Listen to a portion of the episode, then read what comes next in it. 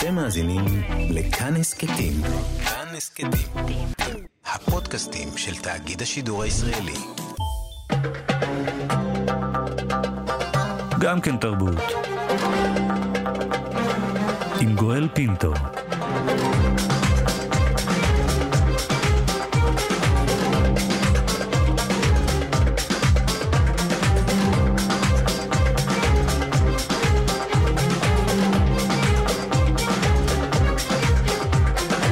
שלום, תודה שבחרתם להאזין לנו. הסכת אה, גם כן תרבות, המיטב מתוך התוכנית היומית שלנו, המשודרת בכל יום ברדיו כאן תרבות, 104.9, 105.3 FM. תהנו. גם כן תרבות, עם גואל פינטו. בלילה שבין שישי לשבת נערו רבות ורבים אל בית המשפט העליון בארצות הברית, ואל תוך הלילה נשמעה קריאת הקדיש. יתגדל ויתקדש שמי רבה.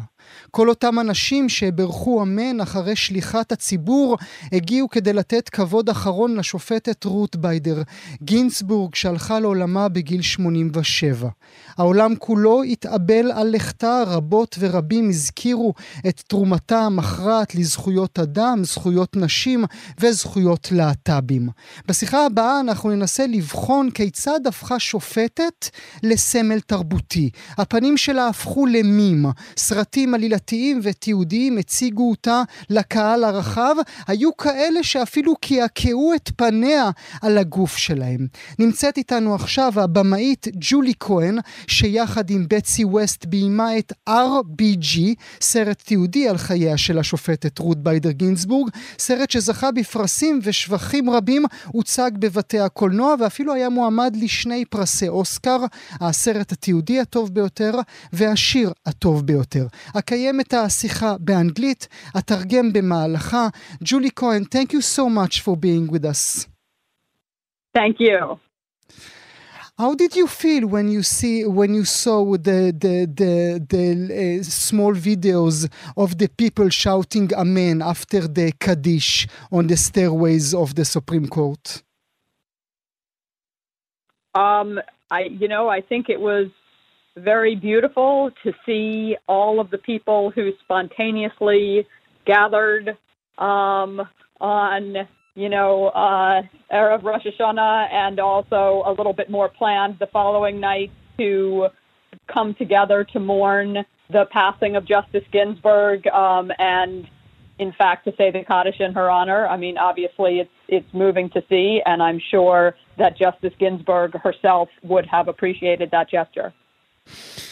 אני שואל את uh, ג'ולי כהן כיצד היא הרגישה כשהיא, ראתה, כשהיא עצמה ראתה את קטעי הוידאו, את קטעי הוידאו בהם רואים את הקהל הרחב שם קורא את הקדיש על מדרגות בית המשפט העליון. היא אומרת זה היה יפה, זה היה ספונטני, ההתחברות הזו בערב ראש השנה, uh, זה היה מרגש ואני בטוחה, היא אומרת, שגם השופטת גינסבורג הייתה מתרגשת לעניין הזה. Do you, do you think it's symbolic this, uh, this uh, ערב ראש השנה?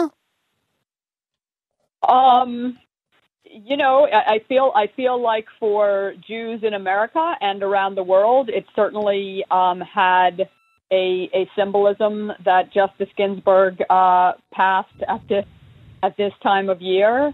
Um, I, you know, it, it's a time when we're all kind of thinking thinking deeply about about renewal, and I think the emotional impact of RBG, as we call her, of RBG's death, um, really just added to the sense of uh, the the sadness of the end of a of a of a year, but perhaps a renewed hope for a for a new year. Mm-hmm. אני שואל האם זה סימבולי בעיניה אה, שהשופטת גינסבורג הלכה לעולמה בערב אה, ראש השנה, אז היא אומרת, אני מניחה, אני מרגישה שעבור יהודים בארצות הברית ויהודים בעולם כולו זה סימבולי לגמרי שהיא הלכה לעולמה בתאריך הזה. זה זמן, תקופה בשנה שכולנו מערערים על אה, התחדשות, במובן הזה התוספת של העצב כולו, של סיום שנה והתחלה חדשה, בוודאי אפשר לראות את זה בצורה כזאת. Does her Judaism uh, played a role in her life? Was she Jewish? Uh, yes. Um, Justice Ginsburg's Judaism did play a role in her life. Um, you know, I, I, should add that um, RBG was actually the second film that I had made with Justice Ginsburg in it.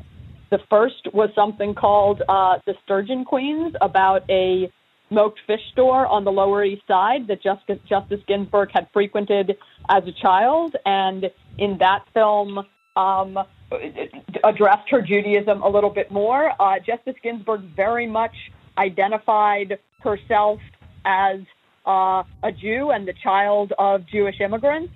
Um, I should say she had pulled away from Judaism at, at some points early in her life because, like a lot of um, Jewish women of her generation, she was put off by the idea that a minyan could consist only of men.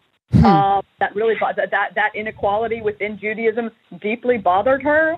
Uh, it's something that she explained to us in, in the in the making of of the film, and I connected with it because my mother, who was her a, a Jewish woman of her age, had said the exact same thing to me earlier. So I understood that um, women concerned with equality sometimes were bothered that, by that. Uh, that said, um, later in her life, uh, Justice Ginsburg became a bit more interested in Judaism and her and her Jewish identity. She uh, she she did attend services on High Holy Days, and there were sort of a few different groups of um, of, of of activities that where she would speak. You know, she was invited to speak publicly everywhere. Most things she turned down, but she tended to talk sort of for three groups: uh, law students, um, groups that were interested in opera and the arts, and also Jewish groups. She frequently hmm. spoke at temples. She frequently spoke at Jewish community centers, um, and she very much, um, you know, I, I think her, her Jewish identity was was quite important to her. I will translate with your uh, permission. אני שואל את, uh, את uh, ג'ולי כהן, במאית הסרט RBG, האם היהדות שיחקה תפקיד אצל השופטת uh, גינסבורג? אז היא אומרת, כן, בהחלט היהדות הייתה, חל, היה, הייתה חלק מרכזי מהחיים שלה. היא מסבירה, ג'ולי כהן, שהסרט הזה, RBG, איננו הראשון שהיא עשתה עם השופטת גינסבורג, אלא הסרט השני. בסרט הקודם הם עסקו יותר בעניין היהדות. היא אומרת שכמו נשים רבות בנות דורה, גם השופטת גינזבורג ברחה מעט מהיהדות בתחילת חייה, בעשורים הראשונים אה, לחייה. הטריד אותה מאוד, מספרת לנו ג'ולי כהן, הטריד אותה מאוד שהמניין, מניין התפילה, יכול להכיל רק גברים, והיא לא יכולה להיות חלק ממנו. מספרת ג'ולי כהן במובן אישי, גם אני הבנתי למה היא מתכוונת, כי גם אימא שלי אמרה לי בדיוק את אותם משפטים אה, עצמם. אבל אבל uh, במהלך השנים, מספרת uh, ג'ולי, השופטת גינסבורג, uh, התחברה יותר ליהדות שלה. בערוב ימיה, היא אומרת, היא השתתפה, היא, הזמינו אותה לדבר במקומות רבים, אבל היו מקומות שלהם אף פעם לא סירבה. לא לסטודנטים למשפטים, לא לנושאים שעוסקים בתרבות, ולא לנושא, לנושאים או לבתים הקשורים ליהדות עצמה. אז בהחלט, היא אומרת, היהדות שיחקה תפקיד מרכזי בחיים שלה. Do you understand how come a judge, an old small judge, become became an icon, a cultural icon?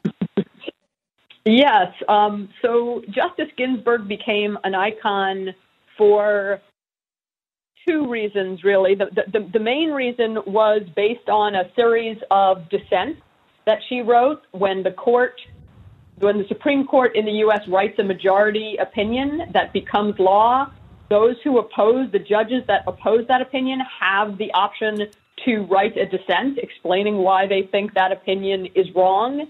As the court in in the uh, over the past ten years or so was moving to the right, and there were more conservative decisions that were being issued, Justice Ginsburg wrote a series of very well written, very powerful dissents that really, um, really touched a nerve with particularly young liberal Americans.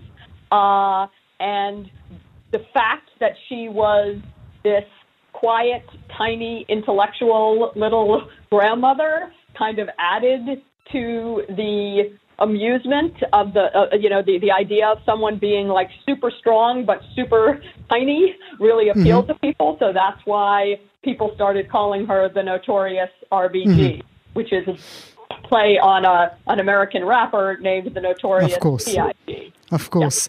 אני שואל את ג'ולי כהן אם היא מבינה כיצד שופטת, שופטת, רק שופטת, או במיוחד שופטת, הופכת לאייקון בעולם התרבות של כולנו. היא אומרת שני סיבות, שתי סיבות מרכזיות. האחת זה פסיקות המיעוט שלה, כיוון שבשנים, בעשור האחרון, בית המשפט העליון עבר יותר לצד ימין, והתקבלו יותר החלטות שמרניות. היא זו שכתבה את דעת המיעוט, ודעת המיעוט הזו, הפסיקות שהיא כתבה, דעת המיעוט, המדיניות נגעו בעצב של ליברלים אמריקאים צעירים רבים, וגם היא אומרת כמובן העובדה שהיא הייתה סבתא קטנטנה עם הרבה מאוד כוח, זה ריגש הרבה מאוד אנשים שהפכו אותה לנטוריוס RBG, כמובן על שם הראפר האמריקאי המאוד ידוע.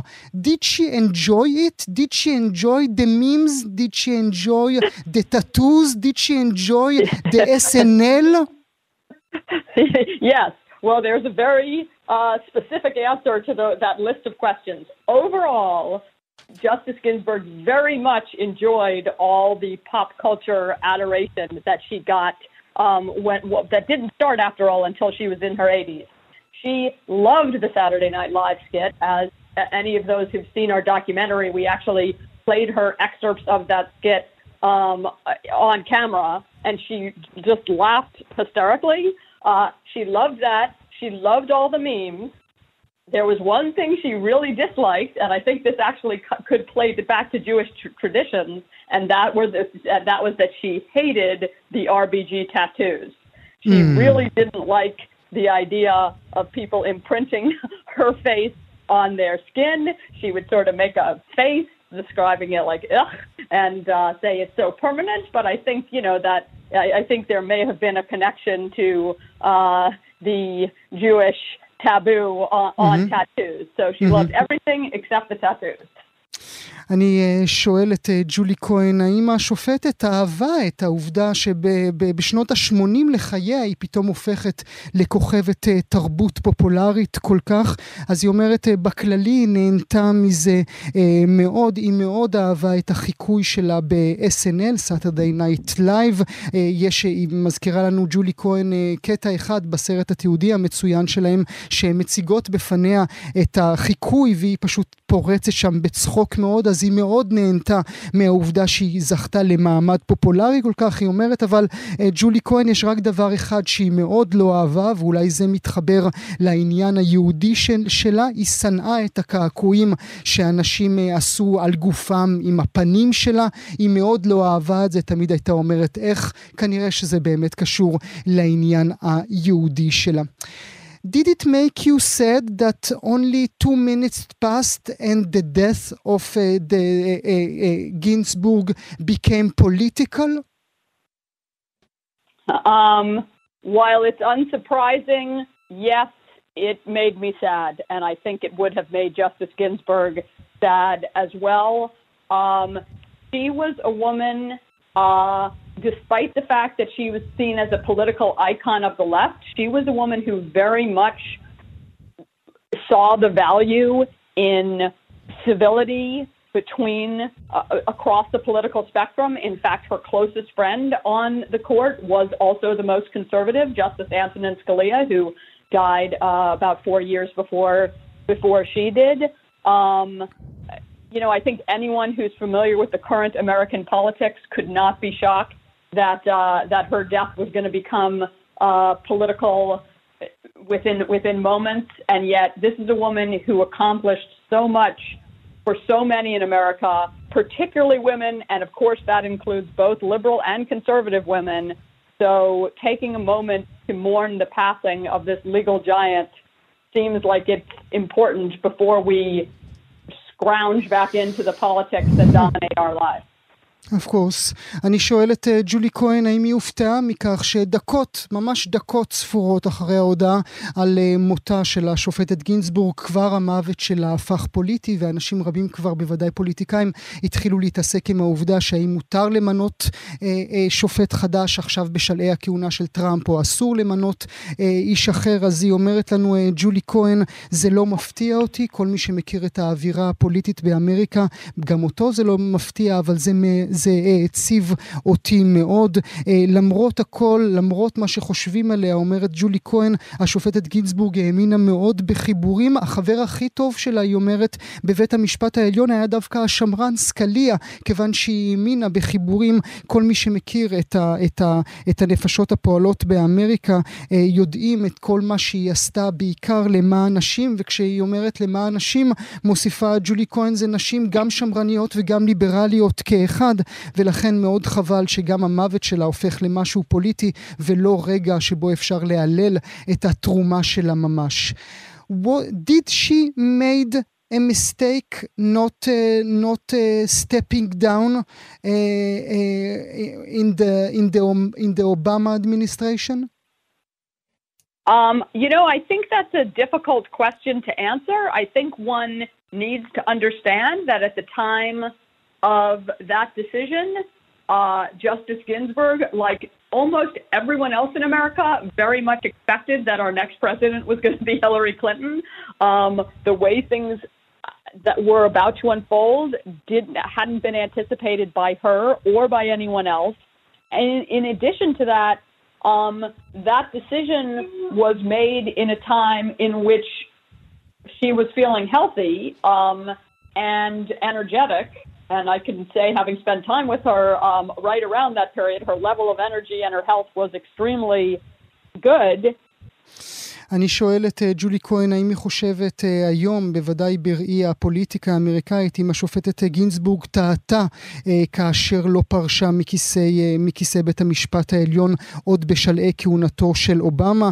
אז היא אומרת, צריך להבין שבתקופה ההיא שדובר בעניין הזה, אף אחד לא האמין שטראמפ ינצח. כולם היו בטוחים שהנסיכה, שהנשיאה הבאה תהיה הילרי קלינטון, וגם צריך לזכור, היא אומרת, זו הייתה תקופה שבה השופטת גינזבורג הייתה בריאה מאוד ואנרגטית מאוד, אני הייתי איתה באותה תקופה, אומרת ג'ולי כהן, אף אחד בכלל לא חשב על אופציה שכזאת.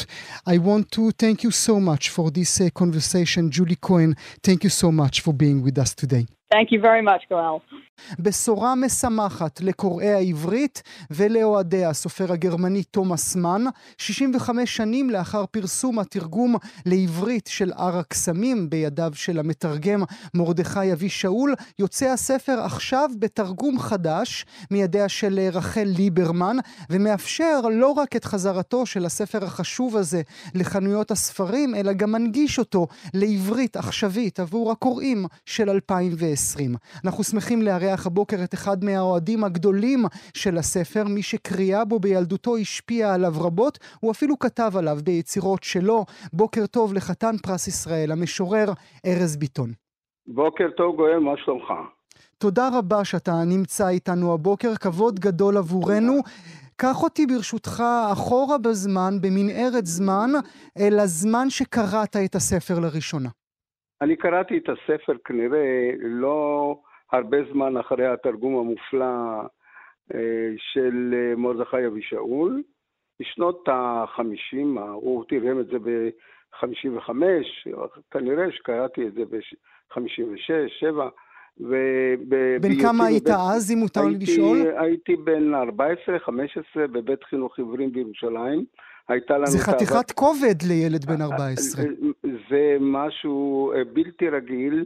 אה, פשוט אה, אנחנו היינו אה, מסורים עד כדי להט ליצירות ספרותיות, והיינו פשוט מדמיינים את עצמנו לדמויות מתוך הספרים הללו. למשל, הר הקסמים, אני... רגע, רגע, אנחנו את... נדבר, אנחנו נדבר על הספר ונדבר גם באמת על משחק התפקידים שהייתם עושים שם. תאר לי את ארז הקטן יושב עם הספר השמן הזה ו- ועובר עם ידיו על המילים של תומאס מן. מה הבנת בכלל? אתה לא יודע כמה אתה צודק כשאתה, כשאתה אומר הספר השמן, מפני שהיה מדובר בספר ברייל, וספר ברייל כדרכו הוא עבה וכבד, ו... אה, ואין הרבה אקזמפלרים, היינו צריכים להעביר מאחד לאחד, אבל הייתה שקיקה, הייתה אה, תמיהה עצומה לעצם הקריאה, לעצם הסגנון, ואני לא יכול אה, לומר, שלא לומר, שמה שקורה מבחינת התרגום, אתה בטח גם תרצה את ההתייחסות שלי לעניין התרגום, אז התרגום העתיק הזה של שנת 55 בעצם הופך להיות למין עברית כשלעצמה, זאת אומרת, תרגום שהופך להיות מקור. אתה כביכול מאמין שהספר נכתב ככה, בסגנון mm-hmm. הזה וכולי. Mm-hmm. ודרך אגב, זה לא פלא, כי באמת אנחנו, שנרתמנו לתרגומים העתיקים האלה של דוסטויבסקי ושל... אה, למשל פלטרו ואני בתרגומו המופלא החד פעמי של עמנואל אה, הולצוונגר וגם אה, ספרים אחרים שתורגמו אחר כך ללא דופי על ידי mm. רמי אבל, סארי. אבל, אבל, לא, אבל לא תכעס עליי אם אומר לך, ומקווה שלא תחשוב בי רעות, כן? אי אפשר לקרוא את זה יותר היום. יכול להיות שאי אפשר לקרוא את זה היום. אין ספק שחשוב מאוד להתוודע ולנסות, אה, מדובר עלינו, האנשים ש, שגדלנו על, ה, על התרגום העתיק. אני גם הכרתי אישית את מרדכי אבישאול, הייתה לי איתו נסיעה מופלאה מתל אביב לחיפה, אבל אני, אומר שאין ספק שהתרגום החדש הוא תרגום יותר עדכני, יותר מדויק מבחינה מבחינת הלשון, מבחינת הקשר בין הדיבור, ההוויה של ההתרחשות לבין השפה עצמה. וזה ברור ש... חשוב מאוד... שזה עולם, uh... עולם, גם צריך לומר, אה, צריך, צריך, חייבים שדור חדש יכיר את הספר ויכיר את תומאס מן. בוא ניתן ברשותך מעט רקע עבור המאזינות והמאזינים שלנו על הספר הזה. הר הקסמים, בליבו מהנדס צעיר, רק בן 23, קוראים לו אנס.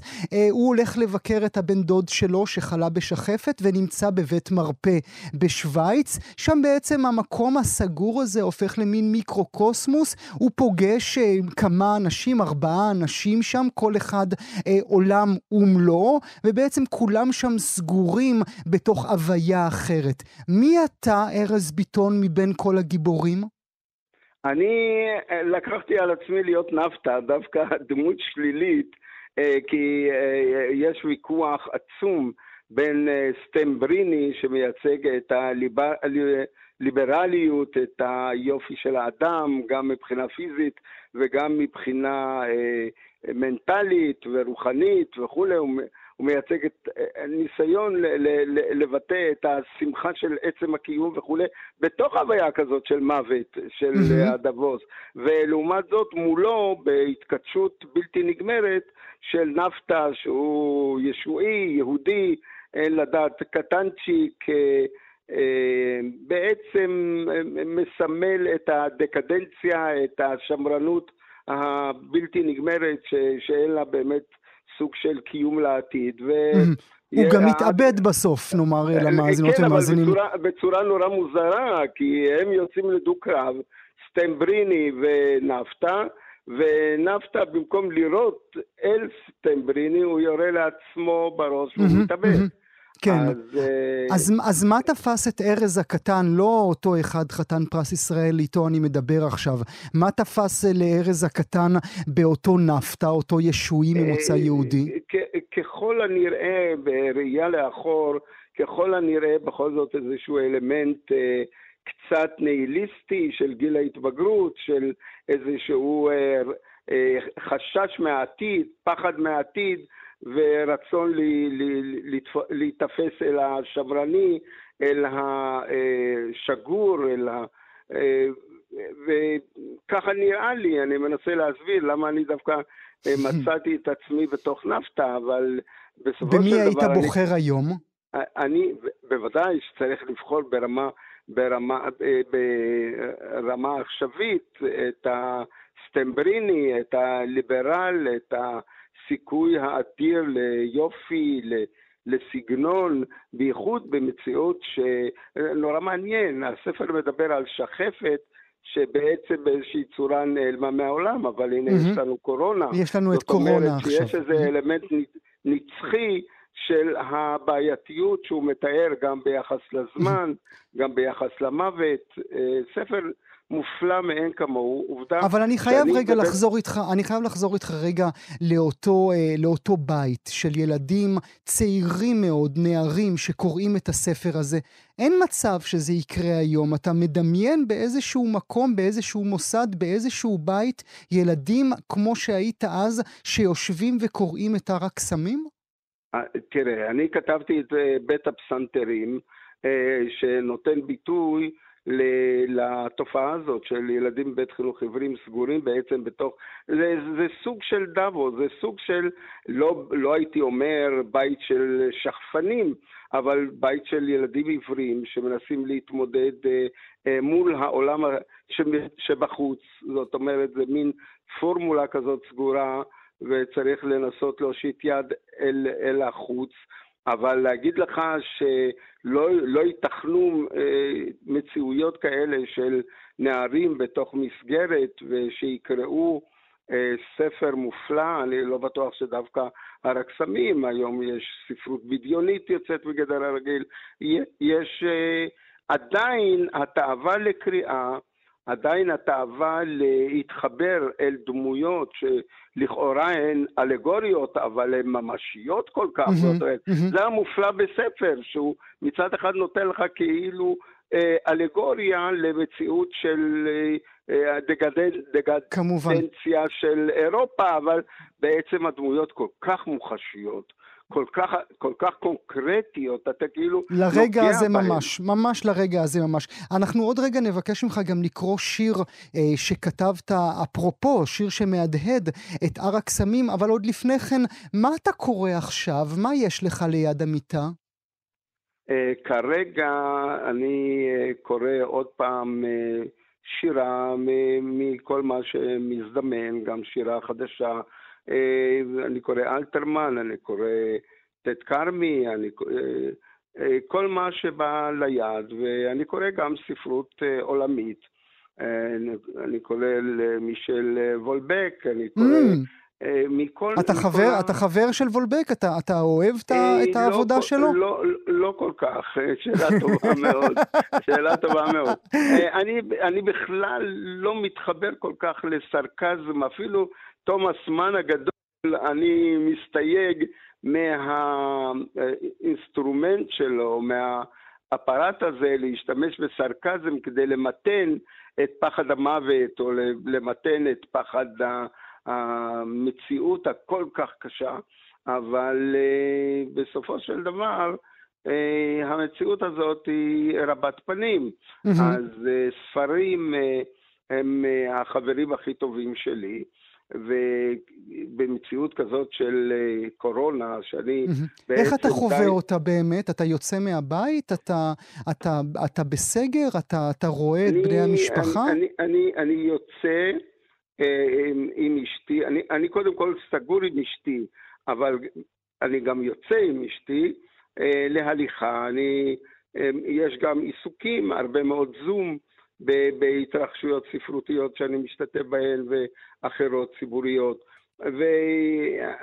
אבל אני לא מגיע למקומות להופעות אה, פיזיות כמו אוניברסיטה או מקומות כאלה. יש איזושהי אווירה מאוד מוזרה בקורונה הזאת, כי אה, יש מצד אחד איזה ציווי להסתגר בתוך בית, והבית הזה בסופו של דבר הופך להיות איזה מין בית החלמה, בית, בית מניעה, בית, משהו שדומה באמת להר הקסמים, mm-hmm, לדאבוס, mm-hmm. שאתה חי במקום סגור מאוד, אבל עם אפשרויות פנימיות אני, אני מוצא את עצמי כותב הרבה יותר בחיים הרגילים, זה דבר שלא להאמין. אני, מדהים, אני בו כן. זמנית כותב שניים, שלושה ספרים בי, ב, ב, באותו זמן.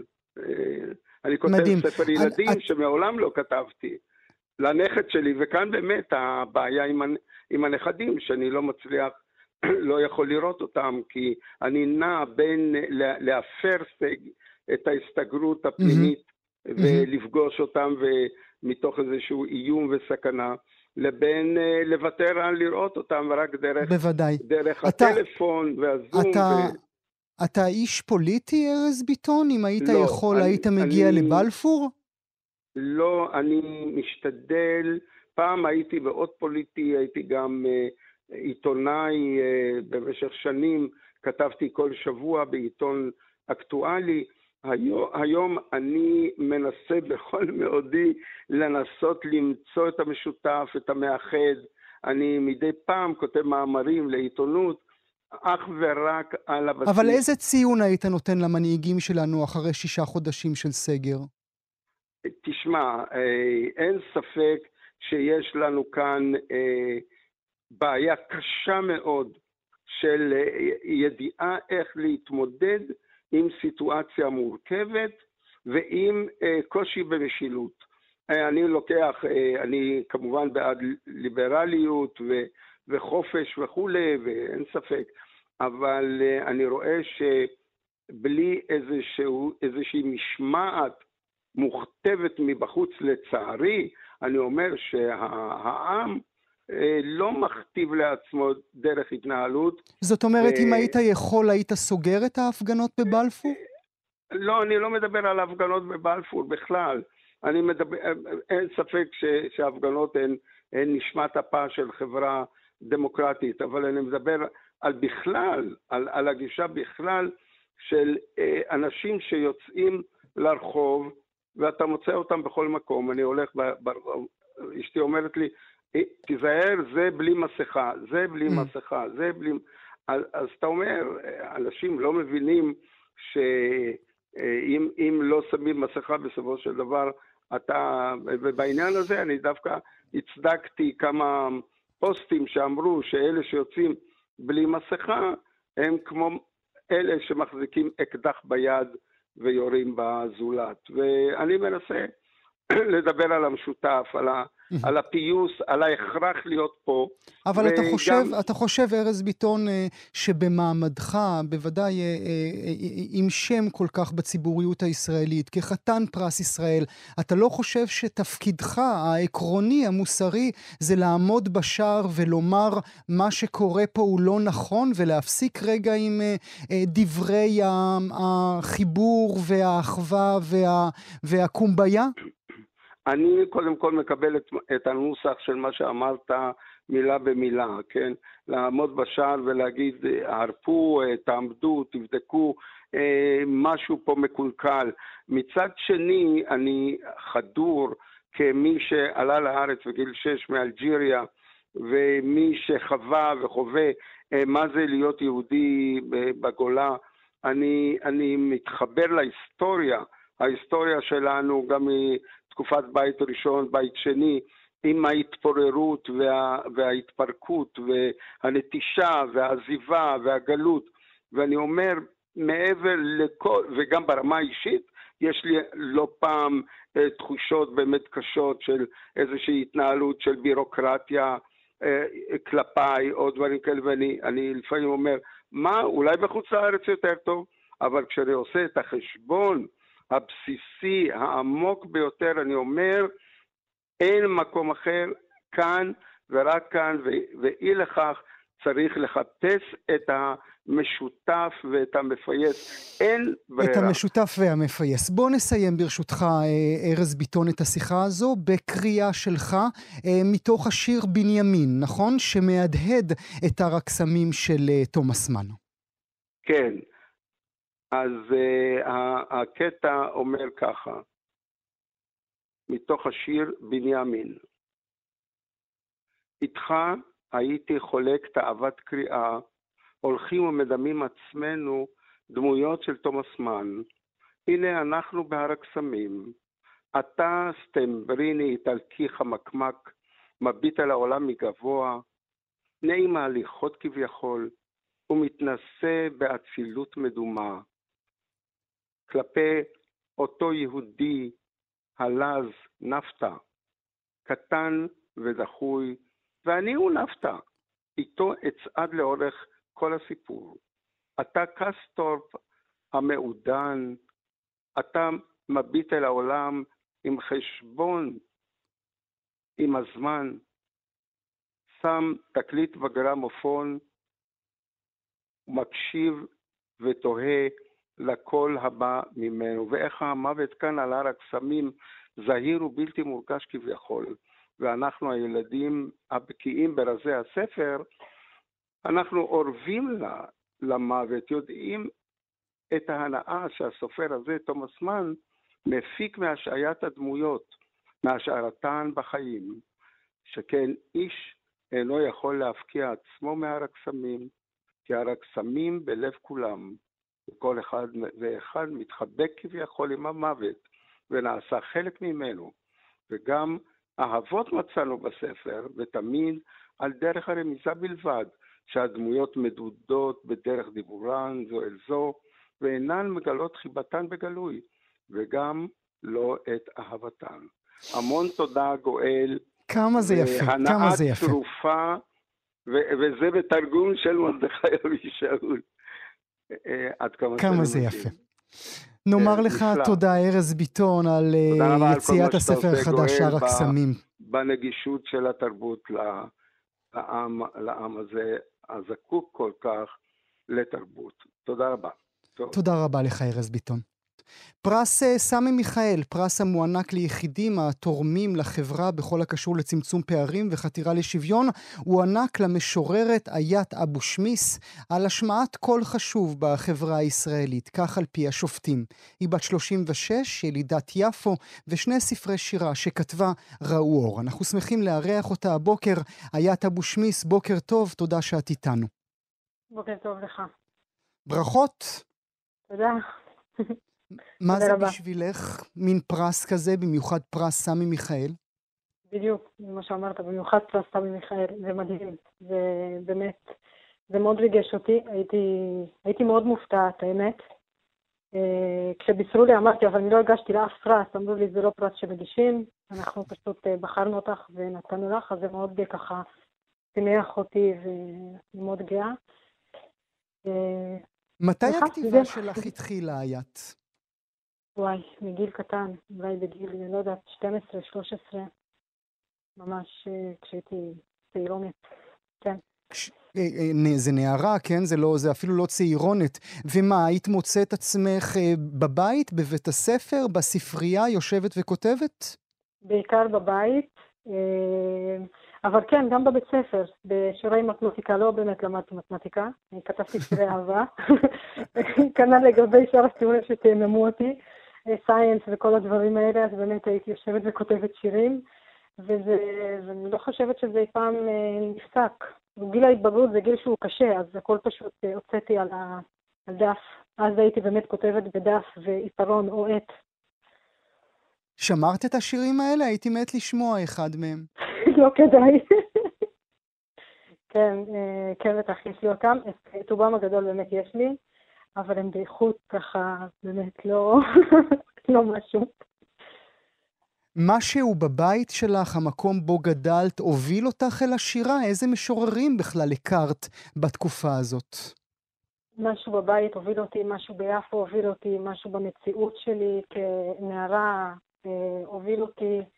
אה, לכתוב. לגבי משוררים, אני למדתי בבית ספר אה, על משוררים בעיקר אה, או צרפתים או ישראלים יהודים.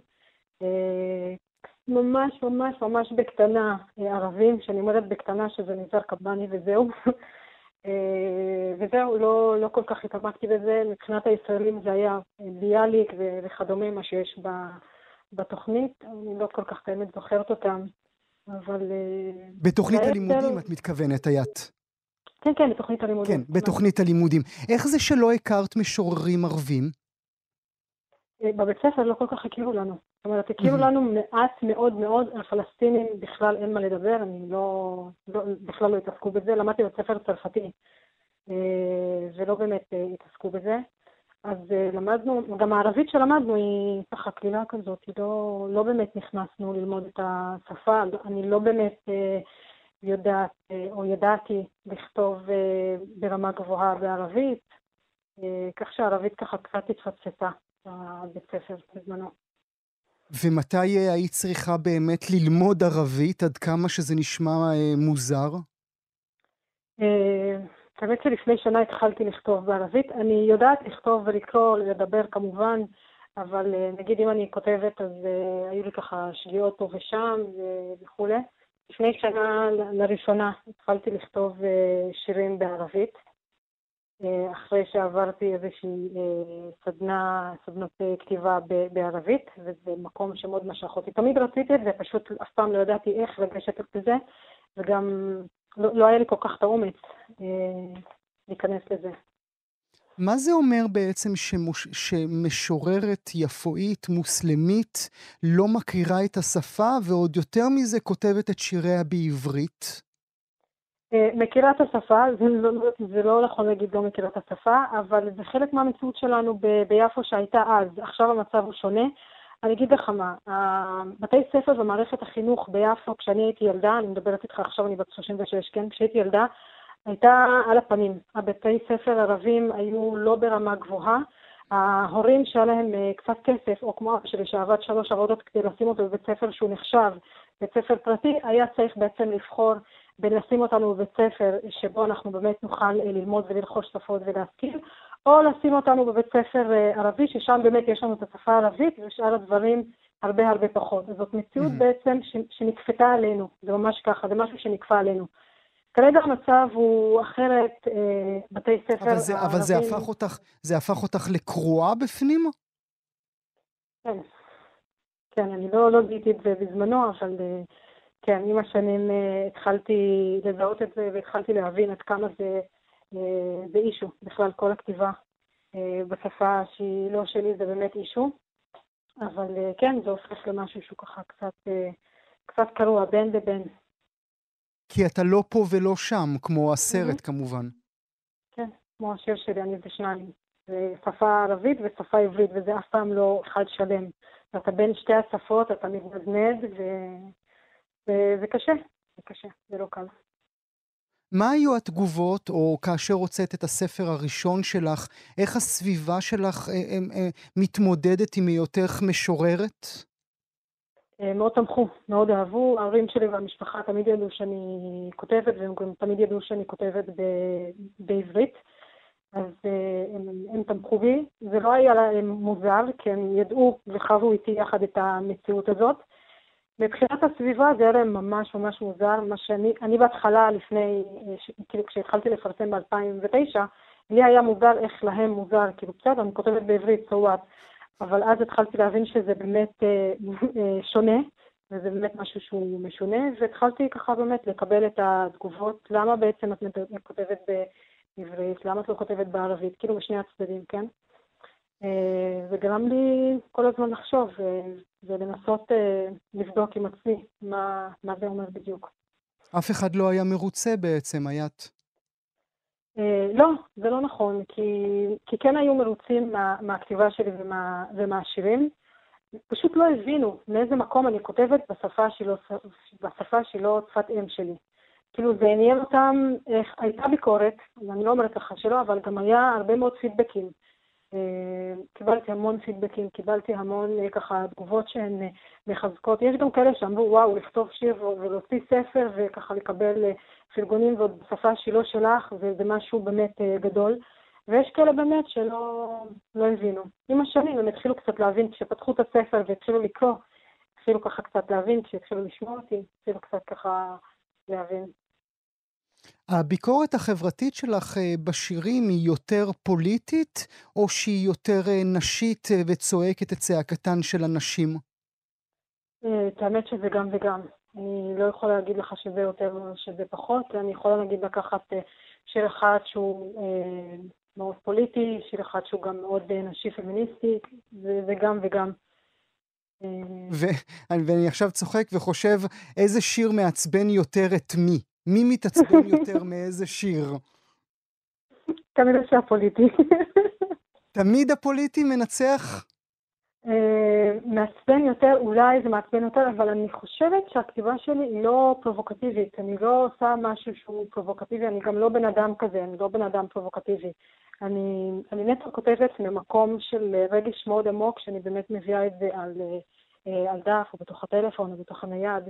אה, ובתהליך, כאילו, תוך כדי אני רואה שזה גורר תגובות וזה גורר כל מיני, כאילו, בהתחלה את הספר הראשון שלי, לא התכוונתי בכלל שיהיה, שישימו את זה במשבצת פוליטית, אבל שמו את זה במשבצת פוליטית. עצם זה שהם רואים את השם שלי, היה פה מושמץ, וספר בעברית, כתוב בעברית ומתורגם לערבית, זה כבר שם אותי במשבצת פוליטית, אם רציתי, בין אם רציתי ובין אם לא. אני בהתחלה בכלל לא התכוונתי לדבר הזה בכלל. ואני גם מדברת איתך על, אה, כשהתחלתי לכתוב ולהפיץ ולפרסם, זה היה ב-2009, הספר הראשון זה היה ב-2013. אז גם uh, כל התודעה הפוליטית שלי הייתה מאוד, uh, מאוד שונה מעכשיו, מאוד, אפילו פחות, ממש ממש פחות. ובכלל לא שמתי לב לזה. ופשוט שמו אותי בתוך המשבצת הזאת, ו... וככה זה יצא, זה לא שאני תכננתי את זה. מעצבן, מעצבן מגירות? מעצבן משבצות? לפעמים כן, לפעמים, לפעמים אני לא מתכוונת למשהו וזה יוצא משהו אחר, אבל וזה השלכות של, ה, של, הכתיבה, של הפרסום של הכתיבה.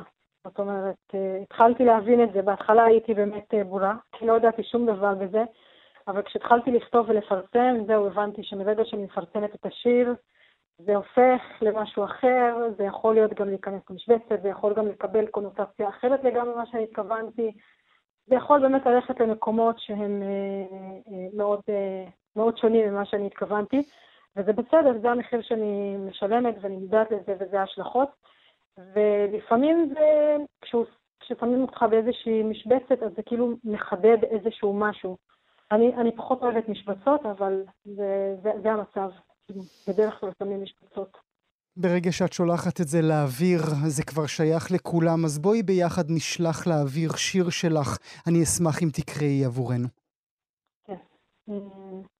לא רוצה לכתוב על מולדת ולא על אדמה. לא רוצה לכתוב על זהות שנגנבה ולא על ילדה שנהרגה. לא רוצה לכתוב על השפלה, דיכוי או כעס. לא רוצה לכתוב על אפליה. לא רוצה לכתוב על אהבה של ערבי ויהודייה או יהודי וערבייה. לא רוצה לכתוב על ידידות מופלאה ולא סתם ידידות. לא רוצה לכתוב על חלום של שלום. לא רוצה לכתוב על אף לוחם ואף גיבור. רוצה לכתוב על הציפורים שלא בשמיים, שגזרו להן את הכנפיים. זה מתוך הספר השני שלי. גזרו לך את הכנפיים, איית? כן, הרבה פעמים ניסו לגזול לי את הכנפיים. אה, כן, אבל כל פעם אני ככה מצמיחה כנפיים חדשות, חדשים, כאילו באמת. אה, אבל כן, זה, זה, די, זה די קורה, אני... כן. אז הנה, כנפיים חדשות אה, בדמותו של פרס סמי מיכאל. איית אבו שמיס, אני מודה לך מאוד. ברכות ותודה רבה שהיית איתנו הבוקר. תודה לך, תודה, יום טוב. אל הנושא הבא שלנו, קבוצה של אומנים ואינטלקטואלים צרפתים חתמו על עצומה בצרפת, עצומה שמבקשת להעביר את עצמות המשוררים ארתור רמבו ופול ורלה, גדולי המשוררים הצרפתים, לפנתיאון, בו קבורים ויקטור הוגו ואמיל זולה. הדרישה מנשיא הרפובליקה נתמכת אמנם על ידי שרים, אבל יש גם שמתנגדים. מגוחך, הם טוענים ששניים שכתבו שירים בדיוק נגד הבורגנות יחסו אחרי מותם בצילה. הפרופסור נדין קופרטי צור, ראש התוכנית לתרבות צרפת וחברה בחוג להיסטוריה כללית באוניברסיטת תל אביב, נמצאת איתנו הבוקר. שלום לך, תודה שאת איתנו. בוקר טוב, גואל. היית חותמת על עצומה כזאת? היית מבקשת שהעצמות של שני הגדולים האלה יעברו לפנתיאון? זאת התלבטות ענקית, כי אה, אולי עבור ורלן כן, כי בסופו של דבר אולי הוא שאף לסוג כזה של כבוד. עבור, עבור אה, רמבו, אבל אה, עבור אה, ארתיר רמבו, זה, זה לדעתי בגידה באידיאלים שלו, בגידה במהות הכתיבה שלו. זה נראה לי אה, הפוך מכל מה ש... מכל מה שהוא מייצג. אה, כן, המאזינות המאזינים שלנו... לכן לא לעשות לו את, ה, את הכבוד הזה, כי הוא היה מקבל את זה כסטירת לחי מצלצלת. אז דווקא, הפוך על הפוך, דווקא כדי לכבד את רמבו, מי שמכיר את, אה, את שירתו ואת רוח המרד ואת האנטי-ממסדיות, שבשירה אה, של רמבו לא היה רוצה אה, לתת לו את העלבון הפוסט-מורטם הזה של mm-hmm. כניסה לפנתיאון. אבל אי אפשר להפריד בין השניים, הרי כל המאזינות והמאזינים שלנו זוכרים, השניים היו במערכת יחסים, ורנה היה שיכור וירה, ירה, ירה ממש ברמבו. את לא יכולה נכון. להכניס אחד כן ואת השני להשאיר בחוץ. תראה, הגורלות שלהם היו מאוד שונים. קודם כל, אפשר לומר שזה נכון, הירייה הזאת זה לא דבר אנקדוטי, כי אה, זה ייתן אה, תפנית אה, דרמטית לחייו של רמבו וגם ללא של ורלן. צריך להזכיר, רמבו מנסה להתפרסם. רמבו קודם כל הוא תלמיד מחונן. הוא תלמיד מחונן שבגיל 15 חוטף את כל הפרסים של השירה בלטינית וביוונית מהתיכון שלו. אה, והוא מתחיל לפרסם, הוא שולח אה, שירה, שירים בכל מיני כתבי עת, והוא שולח לבודלר שלא עונה לו.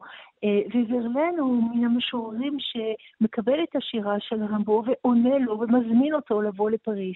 ורבו רק חולם להימלט מהפרובינציה הבורגנית החונקת של, שבו הוא חי בעיר שרלוויל, עיר רדומה, אה, קתולית, אה, משעממת, והוא מחכה להזמנה הזאת של וירלן, וכשהם נפגשים הם מתאהבים, ורמבו אה, נכנס לגור יחד עם וירלן, ואשתו של וירלן, מטילד, אצל ההורים של, ה, של מטילד.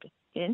ושם הוא נהיה בלתי נסבל, וורלן ורמבו בורחים, בורחים לבלגיה וללונדון, hmm. ואחר כך זה סיפור של פרידות ואיחודים, ופרידות ואיחודים, ובאחד מהאיחודים הללו, אה, ורלן כל כך קרוע בין המחויבות שלו למטילד, שאותה אה, הוא אוהב, ובין התשוקה היוקדת שלו לרמבו, שכשרמבו מאיים לעזוב, אה, ורלן יורה בו.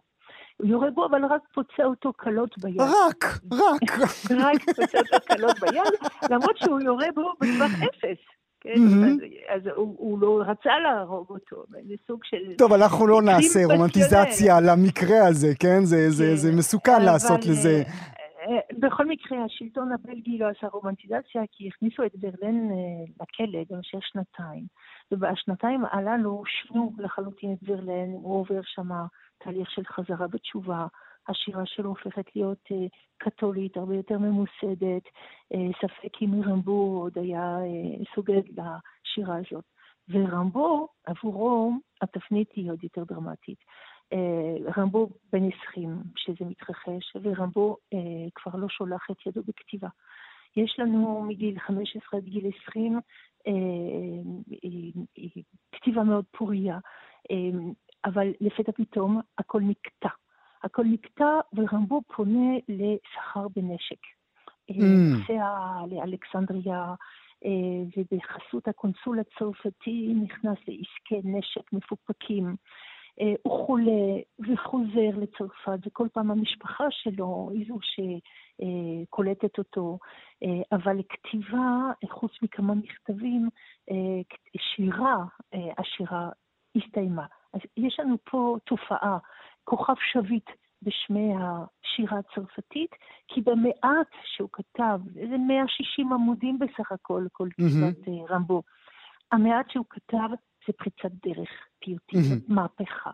זה כתיבה של מתבגר שרוצה, אה, שהוא נמצא בשיא מרד הנעורים, והכל מתודלק גם על ידי הרקע ההיסטורי, אה, האירועים שמתרחשים בצרפת באותה התקופה, וזה המלחמה הפרנקו-פרוסית, הכישלון של צרפת ב-1870. אבל, אבל, הפר, אבל הפרופסור אה, קופרטיצור, צריך לומר את האמת, לולא הסיפור האישי ביניהם, לולא באמת הדרמה המאוד גדולה, אנחנו אף פעם לא נוכל לדעת האם הם היו נשארים באותו מעמד שהם נמצאים בו עד היום, ב-2020.